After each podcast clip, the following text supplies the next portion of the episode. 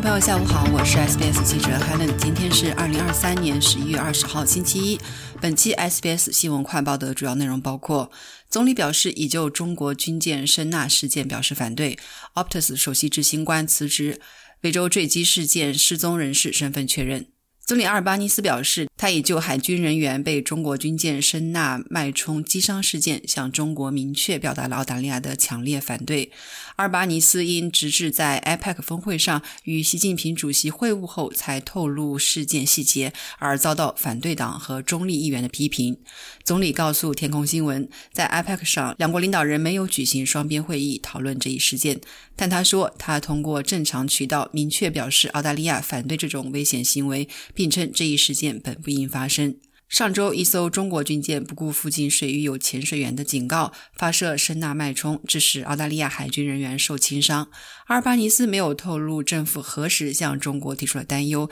也没有透露向谁提出了交涉。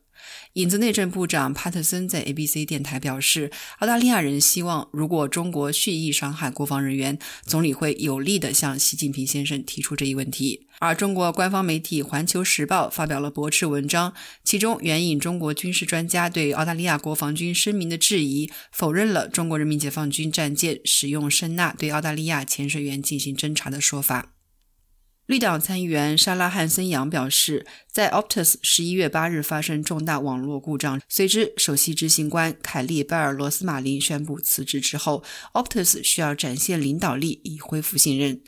在上周五举行的参议院听证会上，罗斯玛林女士被迫回答了有关此次长达数小时的网络中断的棘手问题。此次中断导致九百多万用户无法拨打电话或访问互联网。莎拉·汉森杨感谢罗斯玛林女士在上周的参议院调查中挺身而出并承担责任，但这位参议员表示，调查将推动更强、更好的监管，以确保电信公司的运营符合公众利益。一名飞行员和一名电视摄像在维州 Mornington 半岛坠机事件中失踪，警方正在继续搜寻飞机残骸。摄像詹姆斯·罗斯和飞行员斯蒂芬·盖尔所乘坐的一架 JetWorks Aviation 航班于周日下午坠入水中。警方无法确认后来安全降落在艾森顿机场的另一架飞机是否与第一架飞机相撞。特里罗林斯督察说，搜寻工作将一直持续到找到飞机残骸为止。警方目前正在考虑执行搜寻任务。